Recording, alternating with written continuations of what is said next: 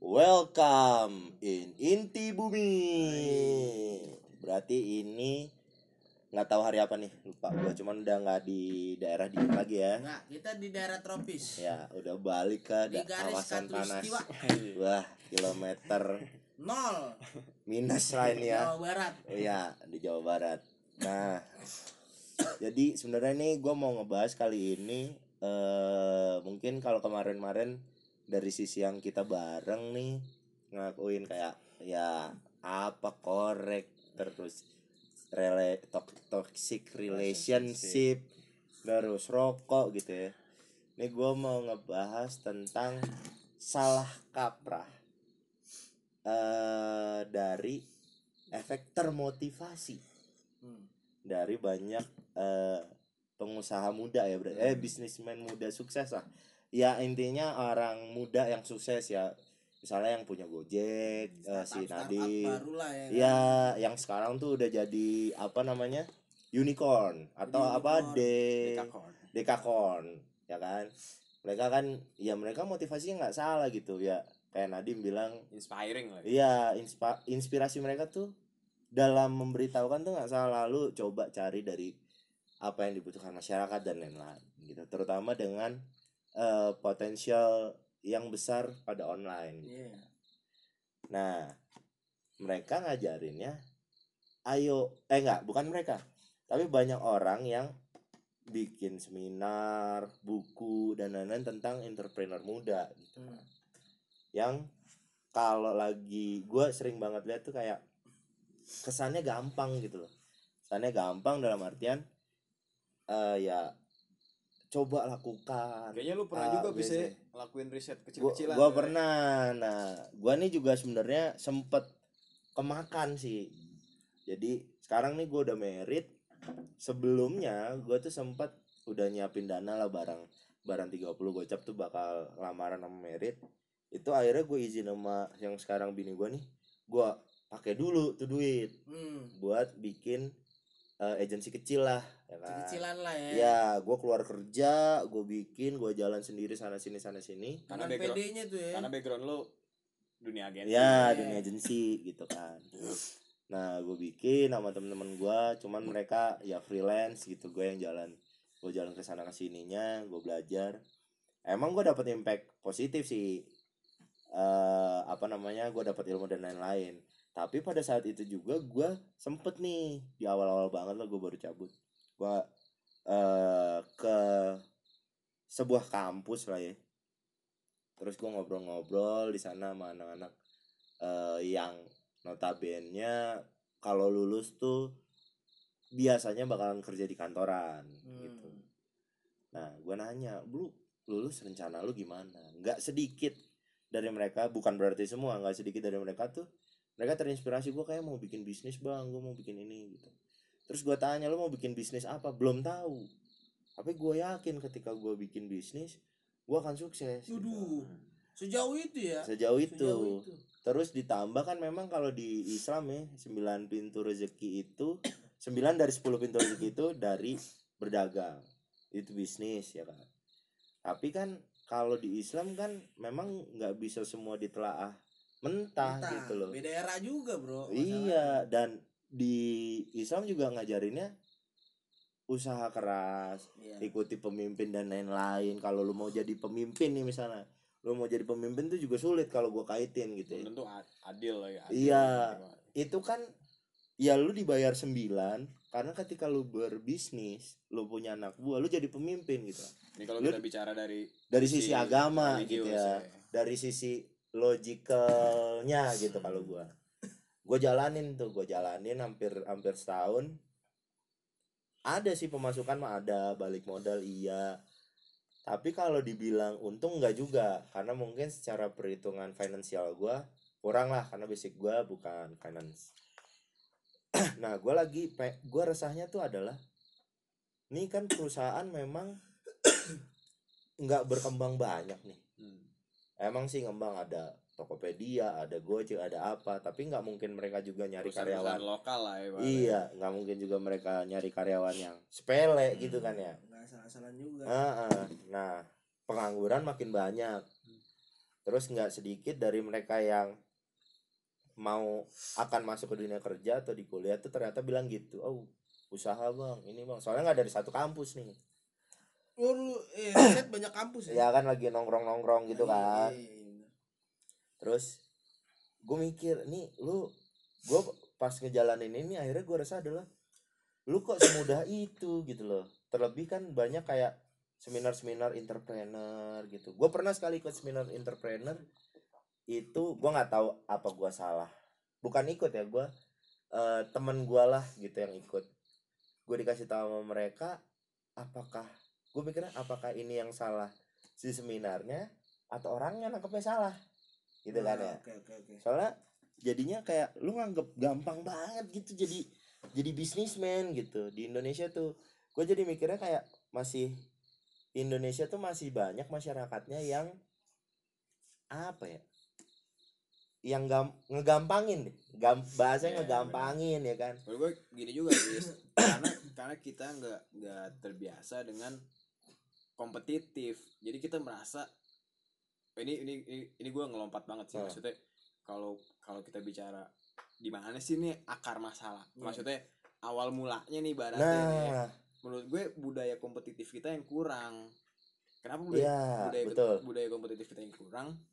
Kita ngerasa ketika kita kerja di perusahaan itu kita jadi budak. Hmm. kita kita disuruh disuruh suruh orang gitu kan. Nah sementara kan ya tempat lu show off tempat lu uji kompetensi diri lu ya kan Iya, di situ. skill lu pembuktian lu ya di, di dunia di dunia profesional gitu Hmm. kan nah itu itu banyak apalagi sekarang generasi milenial nih yang merasa oh nggak bisa gitu dong gue nggak bisa lah disuruh-suruh begini gue Nah, nih gue nih inovatif itu. ya kan Nah, akhirnya ini menganggap kreatif, ya kata inovatif itu mudah Hmm. bener tuh sebenarnya gini yang gue tangkap deh. Gue gue waktu itu sempet nonton sebenarnya ini mas stand up ya? Oh. dari si Panji. Hmm. Panji Pragiwaksono. Gue sempet tangkap omongannya dia gini. Coba dulu yang untuk entrepreneur ya Hmm. coba dulu kalau misalkan memang ujungnya lu harus gagal dan itu pun alay karya lu ya lu harus coba lagi coba lagi coba lagi. Nah itu masalahnya. Yang nggak diterapin sama orang eh, Indo ya dia tuh cari yang mainstream tanpa harus mikir inovasi yang baru gitu loh maksudnya Ya. gini kayak yang gue tangkap dari omongan si Panji juga kayak eh, lu eh, sedikit lebih beda Hmm. lebih baik daripada sedikit daripada lebih baik. sedikit lebih baik Ya. itu yang gue tangkap gue juga uh, notice juga di situ oh bener juga di uh, uh, apa namanya di di sasaran market lu yang misalkan lu jual es krim yang dibilang itu di orang jual es krim yang rata-rata dari awal tuh cuman jual rasa vanila strawberry coklat ya lu nggak bakal tahu tiba-tiba di Bali ada yang jual es, es krim rasa timun Iya. itu kan berarti anjir seinovatif itu loh orang Nah. kalau misalkan mau makan timun ya lu beli timun Iya. gitu loh nggak makan es krim tapi kan dia yang tadi balik lagi dia cari yang beda lebih baik daripada sedikit lebih Ya, iya. baik lebih baik nah benar cuman nah gue khawatir nih banyak hal stand up Panji itu gue nonton dan pasti udah banyak yang nonton kalau kita Hmm. lihat viewersnya udah Iya. banyak terus gue juga yakin yang nonton nggak cuman orang tua gitu Iya, kan kan? pasti. eh, Panji Mm-mm. tua kan cuman banyak yang kalangan muda gitu. Seolah-olah ya. Dan Iya. Panji ini kan ngemas ya bis Iya. Ya, Iya, ini ngemasnya ini kan ringan ya kan? good banget lah. Eh, ringan. Tapi gue tahu Panji ini menciptakan ini untuk orang yang berpikir menurut nah. Gue nah ini sekarang gini yang punya kaskus dari garasi iya bener. eh Zaki yang punya Bukalapak dari garasi kos-kosan eh kos-kosan. Terus si Nadim dari cuman punya dua driver. Mereka kayaknya nggak lihat itu deh. Mereka Ada proses itu? Iya kayaknya. Mereka cuman lihat atau mereka melihat tapi tidak melihat proses di mana si orang-orang sukses ini mencoba menjadi sedikit lebih beda itu. Jadi menurut kalau menurut gue sebelum kita bicara tentang idenya nih bis. Iya. Ada apa ya ada ada proses riset Eh, coy. eh, ada enggak ada ada juga semacam mereka ini karena ngerasa sama-sama satu nasib nih ketika Nadim berbicara gue nih dari garasi gue nih dari kosan loh ya kan. Ah, nah si yang apa eh, orang-orang ini. pendengar iya, ya, rata-rata. pendengar yang kurang kurang arif dan bijaksana ini iya kan? mungkin mereka karena merasa wih sama dong berarti sama gue doi dari kosan dari garasi Nah, bisa sama nih gue juga nih gue Ah. anak kosan nih ya kan gue dari kampus yang biasa-biasa aja ya kan cuman kan itu di Nah. build ceritanya lebih ke ini ya gua nggak punya kantor gue punya garasi gitu nah dia dia dia juga dia juga nggak nggak merat nggak apa ya, kayak ngelompatin aspek-aspek background akademisnya Nadim nih gimana ya, sih Ya kan? terus background mereka background nyari gimana idenya sih? gimana Ya kan? mungkin Adi memperingannya kan pas itu jadi mereka cerita ini kan masalah wah kalau Gojek bisa eh ojek bisa eh, mereka online enak nih mereka gitu. ngerasanya karena sa- sama-sama nasib aja gitu Hmm. ibaratnya kan oh gue sama nih sama dia lo berarti gue punya kesempatan emang sih namanya Semua. kesempatan semua orang Punya. punya, ya kan buat Punya. sukses semua orang punya hak buat sukses ya kan cuma kan ada hal-hal yang perlu lu pertimbangkan lagi nih baratnya ya kan? Khususnya kalau menurut gua proses sih. Iya. Ah itu penting banget proses menurut gue. Karena The Beatles bisa bisa ngebum seluruh dunia 10.000 jam cuy. Iya. Dia sengaja manggung di Jerman tuh manggung gratisan. Ya, yang penting gue dapet crowd gue gue ngasah skill gue gitu kan. Maksudnya itu kisah-kisah yang tenar lah. Nah sama glorifikasi juga sih bis maksudnya euforia apa sih bukan euforia ya ya glorifikasi lah seolah-olah tuh seolah-olah tuh orang yang sukses itu dari yang menderita gitu sementara kita tahu Nadim kan ya dia punya privilege ya dia kuliah di Harvard Hmm. kayak nggak mungkin dong dari keluarga yang bener-bener kere tapi memang basicnya basicnya ya di Indonesia ini lebih banyak nampilin isu orang yang dari susah jadi Ah. sukses gitu Iya. Kan mungkin dramatisir tuh Ah, lebih ah, lebih ah. disukai bahkan banyak yang yang jadinya agak keringnya juga ya kan? Hmm. misalnya kayak Sandiaga Uno nih dia bilang dia di mana sih? Di New Zealand kalau nggak salah deh. Dia cuma megang berapa dolar dia harus jadi apa. Ya sementara kita semua tahu cuy. Ah. nyokapnya dia kan sekolah Iya, kepribadian aja zaman dulu punya sekolah kepribadian kan nggak ya nih orang udah sering ke luar negeri dong berarti emang emang ya lu lahir sebagai orang yang punya privilege gitu kan. Ya dan gua ngelihatnya tuh kayak ya mungkin ini nih kegelisahan gua. Gua sepakat tuh sama yang Panji bilang sedikit lebih beda. Masalahnya Panji bilang sedikit lebih beda. Nggak bikin beda sama Hmm. sekali. Kenapa menurut gua dalam hal Nadim dan kawan-kawan yang udah sukses untuk unicorn dan dekakorn ini menciptakan si Gojek ciptain Tokopedia Bukalapak ini nyari kan nyari beda nih Iya. ya kan nyari bedanya ini Nyari setengah bedanya. mati pasti. Dan core baru masuk ke gua di Iya, kosan. bisnis. Iya. gua di ini. Nah mereka ngelihatnya oh dari kosan. Iya. nggak Nah, dilihat. proses belakangnya itu yang nggak dilihat. Dia nggak nyari core-nya dulu Eh, nih, dan ya mungkin ada juga pesan-pesan yang apa ya? Menurut gua gua kan dari jurnal juga ya jurnalistik ya.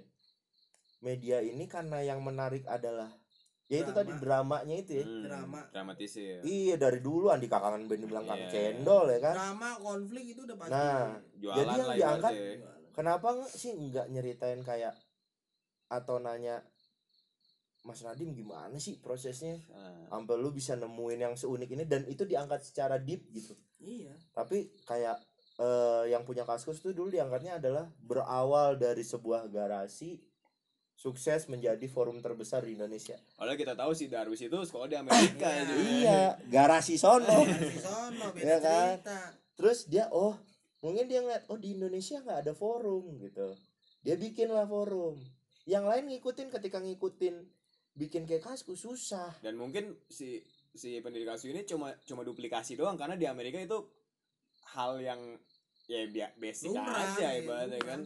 Iya makanya Karena gua- karena mungkin infrastruktur internetnya, infrastruktur digitalnya udah lebih mapan daripada kita Kita. nih. ya kan? Ah. Telat, kita telat tuh jelas makanya gue mikirnya gini ketika temen-temen yang di lain nih yang lagi pengen entrepreneur dan lain-lain terus terinspirasi misalnya dari yang udah sukses terus terinspirasi dari Panji yang bilang yang terkesan ringan men- apa menjadi sedikit lebih beda lebih baik daripada menjadi sedikit lebih baik. Itu menurut gua kalau lu udah bisa nemuin kunci lain lu bisa selain- jalan di situ. Iya kalau lu udah bisa gini deh simpelnya. Analoginya adalah kunci gitar. Kunci gitar tuh A B C D E F G Ya kan?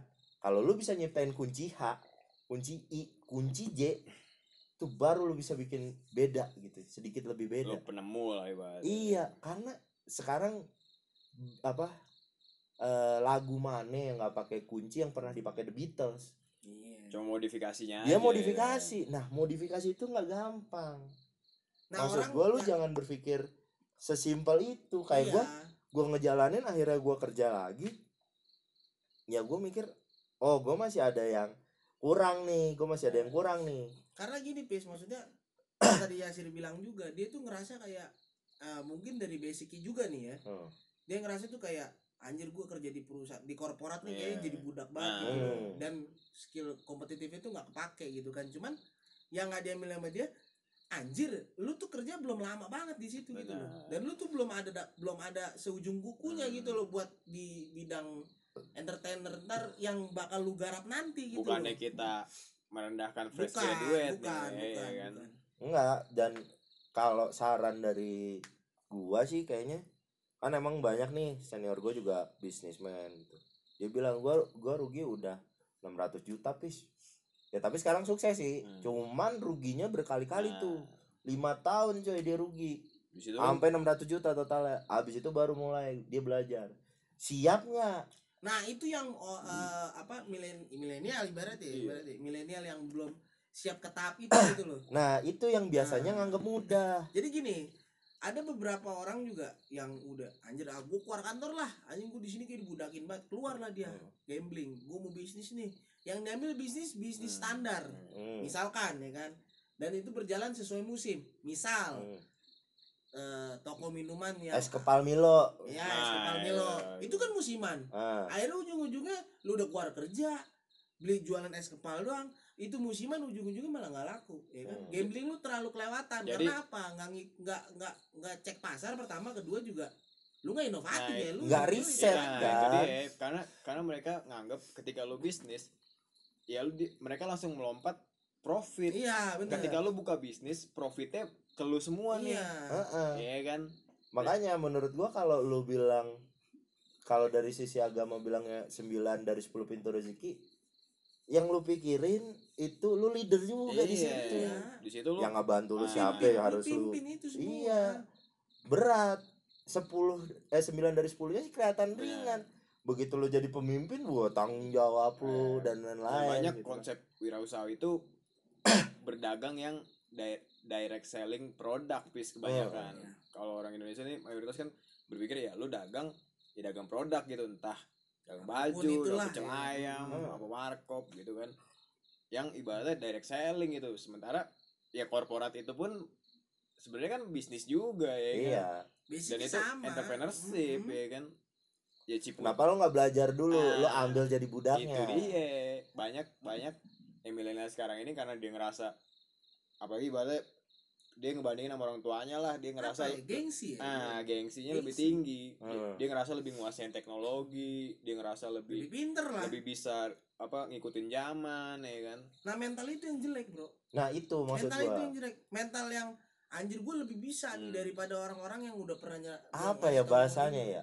Sombong kali ya gampang mah Ah. sombong. Con- contoh nih contoh. Gue bukan ngomongin temen. Ada temen gue ada temen gue yang masuk podcast ini juga di Koi Ah. itu udah jelas depan mata gue contoh persis ya contoh nyata ya dia gambling buka perusahaan pengadaan barang Hmm. dengan seseorang yang bisa dibilang temen juga walaupun nggak terlalu deket ya kan dia gambling Hmm. modal berapa berapa puluh juta itu dia keluar duit itu kan Hmm. saking dia mikir anjir gua udah bisa nguasain ini perusahaan dan gua bisa serahin sepenuhnya sama orang ini yang eh, notabene temen gua dan gua bisa percayain full di situ tapi akhirnya berantakan karena memang dia nggak punya basic dan dia nggak pernah mau riset Hmm. masalah perusahaan Itu. yang bakal dia mau pegang akhirnya ujung-ujungnya bangkrut dan dia juga pun ketipu ya gitu itu loh. karena karena orientasinya ya bisnis iya orientasinya bukan Ah, bisnis orientasinya uang profit sorry Profit, sorry, sorry. profit orientasinya sekedar profit gitu jadi kalau lu di perusahaan ya lu cuma dapat gaji, Gaji. bulanan kalau ini nah mereka berpikir ketika mereka entrepreneur ya profit all in ke dia gitu. Iya. sementara kan ya lu punya tim Iya. ya gua aja sekarang nih mau ngelanjutin tuh gua harus mikirin belajar pajak. Gua udah punya badannya cuman anjir pajaknya gimana Hmm. gua nggak ngerti ya kan? Harus pelajarin dulu gue tanya sana sini. Jadi gue masih jalan pelan pelan nih gue pelajarin dulu. Tapi gue butuh penghasilan ya gue kerja. Iya. dan itu trennya lagi naik juga emang pis jadi Iya. banyak orang yang es misalnya eh, kalau dari akademis nih perkuliahan nih banyak yang satunya dari umum nih bet entah di IT atau apa ngambil masternya itu banyak manajemen bisnis sekarang nih bis emang banyak kampus-kampus yang ngebuka Iya. master kelas manajemen bisnis karena berarti bisnis lagi Iya. naik lagi happening lah iya buat S2 nya kan man- manajemen bisnis karena Cong. karena digital pun nggak nggak nggak menutup kemungkinan memang kita udah di area digital yang ibaratnya orang banyak hidup dari sini gitu loh Iya, ibaratnya. bisa dari si hidup. bisnis gitu loh ya gue salahnya Indonesia nge-brainstorm digital ini tuh seolah-olah digital ini khusus buat orang IT gitu loh Nah. orang yang mengerti IT gitu ibaratnya kan sebenarnya harusnya kan ya lu ciptain dulu nih infrastruktur yang bisa ngedukung digital ini hidup gitu loh Iya. jadi ya ya lu percuma dong lu nyip lu bilang revolusi apa eh, 4.0 ibaratnya nih digital ya kan era digital lah ibaratnya. Tapi yang bisa ngakses industri ini ya orang yang bisa IT gitu kan. Sebenarnya seharusnya kan ya, digital itu hak semua orang ibaratnya gitu kan. Hmm. Tapi itu yang bikin nggak tahu sih ya cuman nggak tahu nih eh, pandangan dulu orang. Yang bikin orang jadi punya sikap bosi nggak sih ibaratnya lu baru punya perusahaan kecil terus lu udah Oke. biar lu udah Wah, berani, iya. bionya CEO tuh Ah, biasanya CEO biasanya kayak gitu Founder, yang gagal founder. tuh gue bisa hire lu nih karena gue gak ngerti digital tapi gue punya modal Nah. gitu loh maksud gue apa sih emang emang dari situ kah basicnya yang tadi dibilang Yasir memang di kerucutin untuk orang IT masalah digital ya kan apa memang dari ya kalau memang dari sikap mereka eh, basicnya gue ngerasa gue bosnya gue CEO nya lo gue bebas untuk melakukan apa aja gitu kan. Dan Emang dari basic situ gitu. bisnis itu sebenarnya menurut gua kalau lu siap berbisnis lu siap aja kayak kerja di korporat. Benar. Emang kan Ka- ada bedanya juga iya kan? bedanya adalah di korporat malu diomelin bos lu ini pelanggan lu. Iya. lah masalah bos lu ngomel dia maafin gaji lu tetap jalan. Kalau ini kan kagak kalau ini kagak gue cabut pelanggan lo yang hilang gitu. iya ya kayak kita konveksi gimana Nah. ya kan profit lu Pak, hilang ibaratnya. iya perkara salah bahan panjang itu itu itu yang gua alamin juga dari dari eh, sa- gua sama persis sama kayak Dikoy gitu cuman cuman bedanya gua gua memang punya manajemen dan gua nggak terlalu perhatiin karena gua pun sibuk kerja Ah. kalau Dikoy kan sibuk untuk eh, pekerjaan yang lain sebenarnya dia masih bisa megang perusahaannya. Kalau gua kan memang enggak gitu kan basicnya.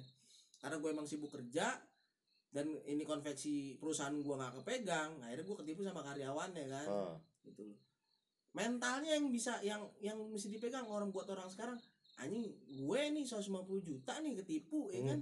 Dan gue masih sehat sampai sekarang gitu loh. Bukan gue ngebanggain mental gue tapi emang gue pun belum siap buat bangun iya. konveksi lebih gede lagi kayak orang ada yang sampai 5 m. Nah ada yang sampai 5 m kayak santai-santai aja iya aja gitu. hidup kayak sampai ngomong masih jahit bendera. Nah itu maksudnya lu mikir gak sih sampai sana Iya, gitu loh? Itu pertama. Bener, kedua bisa nggak sih tenang Heeh. kalau lo di sikap lu tuh bisa gak sih nggak ngebosi? Dalam posisi emang eh, perusahaan lu lagi stabil tapi giliran lagi bangkrut lu masih bisa emang pertahanin sikap bosi lu nih Ah. gitu loh maksud Nah gue. makanya it- itu akhirnya jadi celah juga nih pis zaman sekarang nih banyak orang yang janjiin buka usaha tanpa modal nah ya kan? itu juga salah tuh menurut juga Iya sih kan?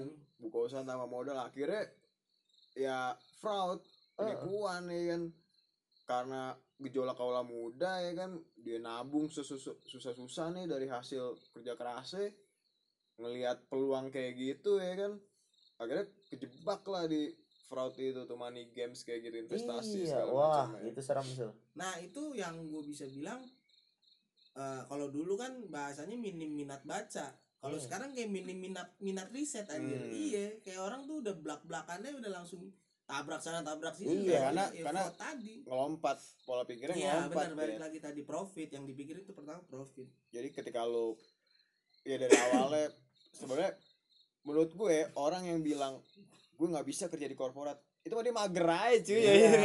mager asli mager doang. Dia dia cuma ma- males aja iya dia mager doang. Alasan dia Alas buat males alasan passion. Hmm. karena karena ketika lu punya skill lu punya kompetensi ya lu bakal dapet red dapet kompensasi yang sesuai ya kan? Iya. Sama kok sama yang lu kerjain sama Iya. salary lu itu pasti sama. Just No Limit juga nggak bikin perusahaan game. Hmm. iya bener kalau sesuai passion dia masih Iya. kerja dulu kan di RRQ ya berarti? Enggak dia dia dia dulu masih dia dulu tuh eh, masih nyari kerja. Dia masih nyari kerja setahu gue ya. Oh. dia masih nyari kerja dan mungkin memang basicnya dia suka main game yang iseng-iseng. Kalau dia memang kalau menurut gua hampir 80% itu dari keberuntungan. Ya dia dari keberuntungan. Tapi kan jatuhnya dia di timnya RRQ kan? Enggak Nah, EVOS EVOS. kan? Berarti kan kerja di situ. Iya, orang dia dia gawe, dia gawe, dia pro player dia, pro Nah. player jatuhnya. Nah, menurut jadi akhirnya menurut gua ketika lu mau coba ke passion ya susah. Kadang gini juga Gitu. bis apa banyak orang misalnya kalau kita bicara tentang dunia e-sport nih yang ibaratnya menjanjikan lah ibaratnya kan.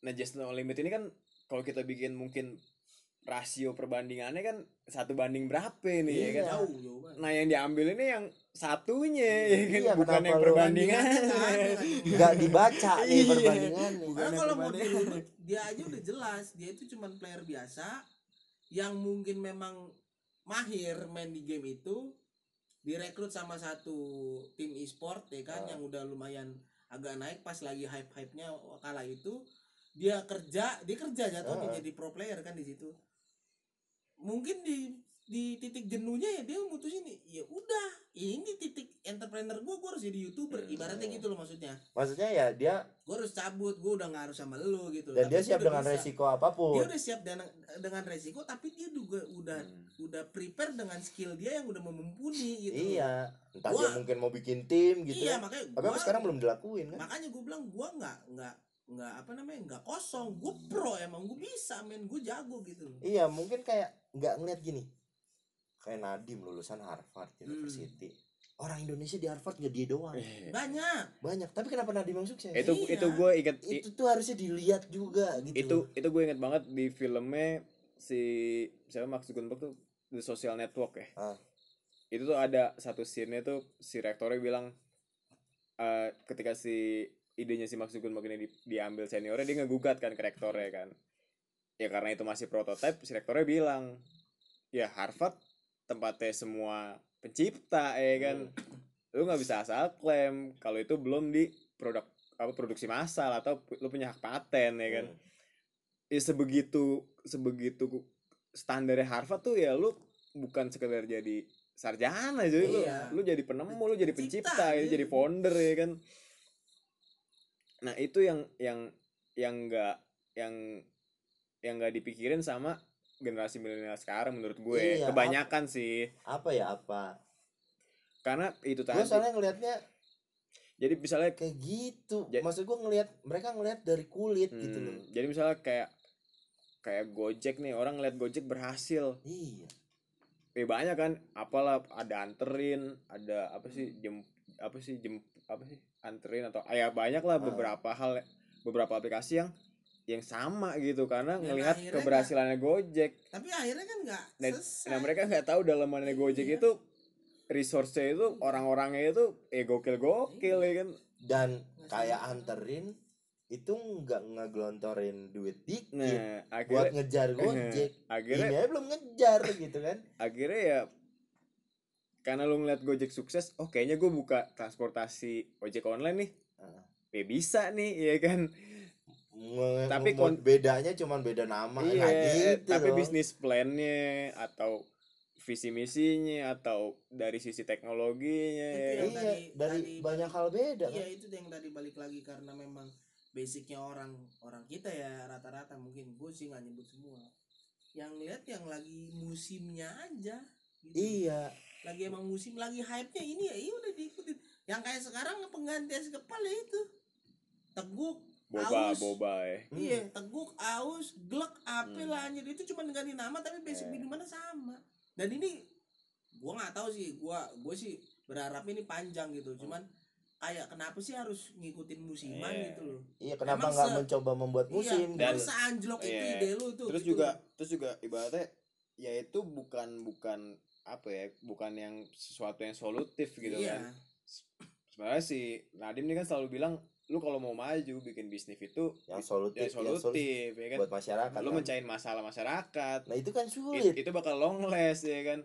Per- masalah yang belum bisa dipecahin kita kasih pe- Hmm. pemecahannya nah itu risetnya tadi kan panjang. Nah itu tadi minim minat riset. Itu dari hal yang eh, dari hal yang sepele Nadiem bilang kan. Oh, ya karena gue susah naik gojek eh susah naik ojek ojek. nih ibaratnya. Oh, oh, gimana kalau misalnya bisa iya dipanggil gue harga ditembak Mm-mm. gue susah nyarinya belum aman segala macam ya kan. Makanya anterin hadir dengan kalau menurut gua bukan promo ini cuman dia kan punya inovasinya adalah sistemnya kasarnya lelang nih. Hmm. ya, ya emang udah beda. Nah itu udah udah beda. Hmm. sama-sama aplikasi ojek online dengan metode yang beda. Tapi kan mengaplikasi, Tapi kan itu aja masih susah itu gitu masih kan. be- masih masih sulit. Iya makanya maksud gua eh yang hebat-hebat tuh sebenarnya banyak cuman yang hebat-hebat ini aja masih kesusahan gue bukan bilang mereka nggak boleh pengen gitu jadi entrepreneur enggak boleh bebas banget anjing bebas. Bebas. yang bangkrut yang miskin lu Iya. anjing bukan gue ibaratnya cuman ada belajar. baiknya iya belajar dari pengalaman gue Iya. pribadi ya gue masih ngejalanin bisnis yang gue pengen karena itu jadi cita-cita gue lu kan sendiri di agensi udah berapa tahun nih bis berapa di dunia sembilan agensi. sembilan jalan sepuluh kali. Udah hampir satu dekade aja lu belum sebegitu beraninya ya. Iya karena banyak banyak gue paling nggak percaya sih bisnis modal nol nggak percaya gue bisnis baju ay modal 3 juta Nggak balik. Nggak ada bis- bisnis modal nggak iya nggak ada. Gue dulu berpikir eh, buat yang pas bikin agensi kecil-kecilan itu sama anak-anak yang sevisi misi wah modal dengkul iya modal dengkul gue jalan cuman buat makan buat apa karena akomodasi dihitung modal Iya, terus eh apa namanya? eh pas produksi klien nggak langsung turun budget, gua harus nyiapin dulu dan lain-lain gue pinjam sana sini. Ya abis gocap gocap cepet mah.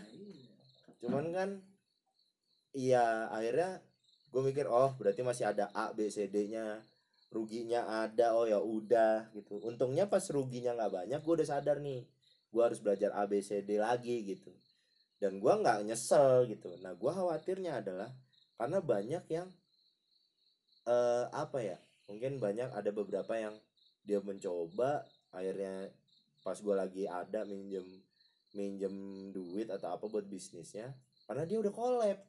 Hmm, gitu nggak siap gitu loh. Stresnya ada ada yang stres. Iya. kan banyak yang stres gara-gara bisnis gagal. Itu udah bisnis bisnismen besar kalau itu yang stres. Kalau yang kecil kalau mendadak ditembak pego lu hilang aja 150 juta coy. Iya. hilang. Di mungkin, Cikarang dapat rumah gede tuh mungkin gini juga sih bis. Maksudnya kalau kita bicara budaya gitu kan biasanya tamatan S1 nih mereka pasti merasa mereka bergengsi kan dengan dengan udah mengenyam perguruan tinggi ya kan culture cacatnya itu. iya gua gua harus dapet sesuatu yang tinggi ah, gua udah bayar gaji- sekolah sekian ah, lu harus gaji gua gaji yang sekian kompetitif gitu kan dan banyak orang kebanyakan kebanyakan kita nih kalau di dunia profesional pengennya so sibuk tapi Iya. nggak ada outputnya Hmm, ya kan? Nah. jadi pengen kelihatan so sibuk aja nih ya kan gengsi. supaya bisa iya supaya dilihat Iya, orang gitu. jadi ya bicara status lagi karena gue status gue bekerja loh Hmm, ya kan status gue bekerja nih bukan bukan pengangguran gitu. pengangguran ya kan padahal kita nggak tahu yang nganggur ternyata lagi bikin bisnis plan ah, Gede. bener. itu balik dia setahun tadi. mikir atau ternyata mereka freelance yang sekali project tuh bisa Iya. ngalahin juta. Ah, Nah itu balik lagi yang tadi tadi kita waktu itu kita bahas masalah rokok kasta. Bener. Iya. Mereka tuh mikir kasta mereka tuh lebih tinggi ketimbang Iya, yang anggur. Bahasa iya apa baik, karena ya. kita kan ya kuat kali ya sistem kasta yang berjalan nih jadi wah gue harus ngambil kasta teratas gitu gue harus lulus A B Iya. C D Iya. menurut Padahal gue bukan tolak ukur sama sekali ya. iya Bu Susi coy Iya.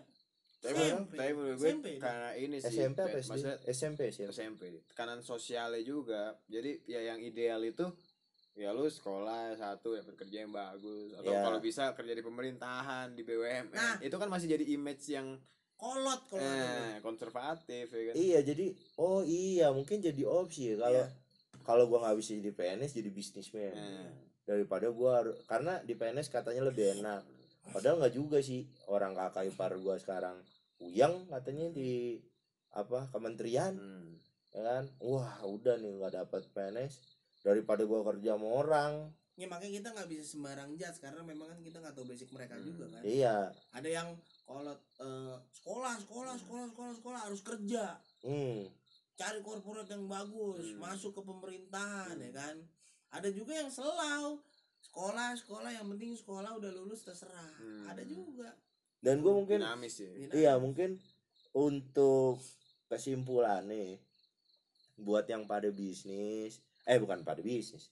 Pada berpikir untuk Iya. bisnis. Lagi mau ngejalanin lah. Ya lulus gue mau jadi bisnismen. Berpikir Kalau- bahwa entrepreneur itu lebih baik ya lebih mudah atau lebih berprofit. Iya profit gede itu berawal dari usaha besar.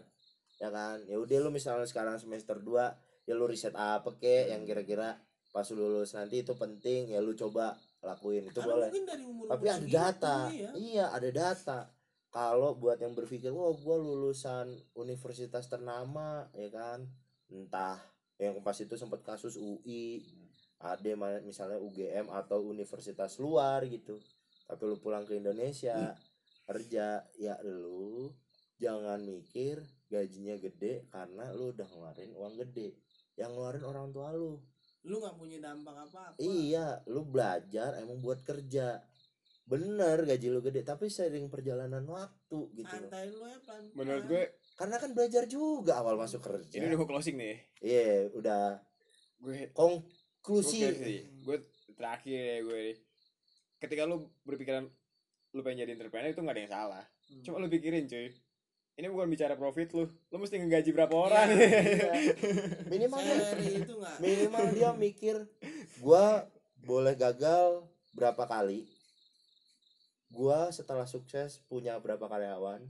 Kalau punya karyawan, gua harus ngegaji sekian, gua harus Iya. pengeluaran sekian, baru profit gitu. sama satu ini terakhir closing gua mindset dari mereka mereka orang yang masih basic banget nih anjing jadi orang kaya itu enak Ah, Iya. salah Iya. salah besar jadi orang kaya nggak pernah enak karena orang kaya basicnya pasti kerja keras Iya. yang enak itu jadi anak orang kaya Nah, beda benar. lu harus bisa bedain anak orang kaya sama orang kaya Makanya lu mikirnya adalah gua pengen anak gua enak. nah gitu Jangan gua pengen enak. jangan lu pernah berpikir lu yang "Ah, enak ya yang Iya. tapi enak Ya, karena orang kaya itu nggak pernah enak hidupnya bener, bener. Ya benar benar benar. ini benar. bagus tuh closing lu gitu Oh. aja Orang kaya nggak pernah enak. Berarti kalau lu pengen kaya ya lu usaha keras. iya Gua juga bukan dari orang berada. Iya, gua jadi usaha keras nih. iya Sama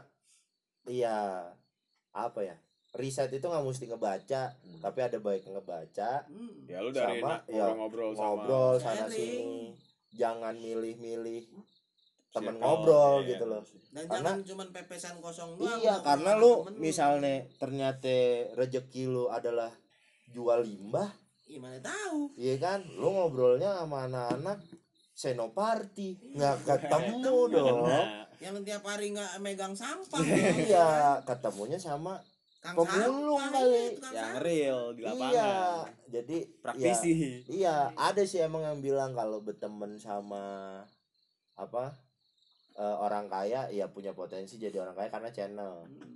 Iya, cuman bukan berarti lu nggak berteman sama yang susah. tapi gitu kan. pastiin dulu kalau lu asik Iya. Nah, lu udah main sama yang kaya lu nggak asik lagi anjing Iya ditinggalin. tinggalin lu tetap miskin miskin juga Iya, lu. jadi inti dari inti bumi kali ini adalah jangan menganggap mudah lu bisnis karena banyak orang sukses yang sekarang unicorn dekakon.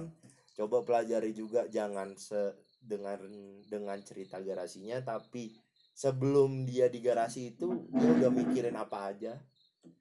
Terus coba telaah juga jangan cuman dari media mainstream atau mungkin lu mau ngeriset bilang kayak ketemu dia kali bisa Iya. gitu kan coba tanya-tanya langsung gimana dulunya dan jangan males sih jangan berpikir gue pengen kaya dengan bisnis tapi gue pengen kaya dengan usaha. Usaha itu bisa lo kerja sama Menurut gua orang sih. loyal dan lain-lain. Lu jangan sekadar lu berpikir lu bakal kaya tapi gimana lu mau kaya orang lain nah karena ketika orang lain kaya gara-gara lu berarti lu kaya. Iya. Iya benar benar mensejahterakan beberapa karyawan Ah, kita ya. itu aja sih. berpikir jauh gitu kalau buat bisnis oke sekian.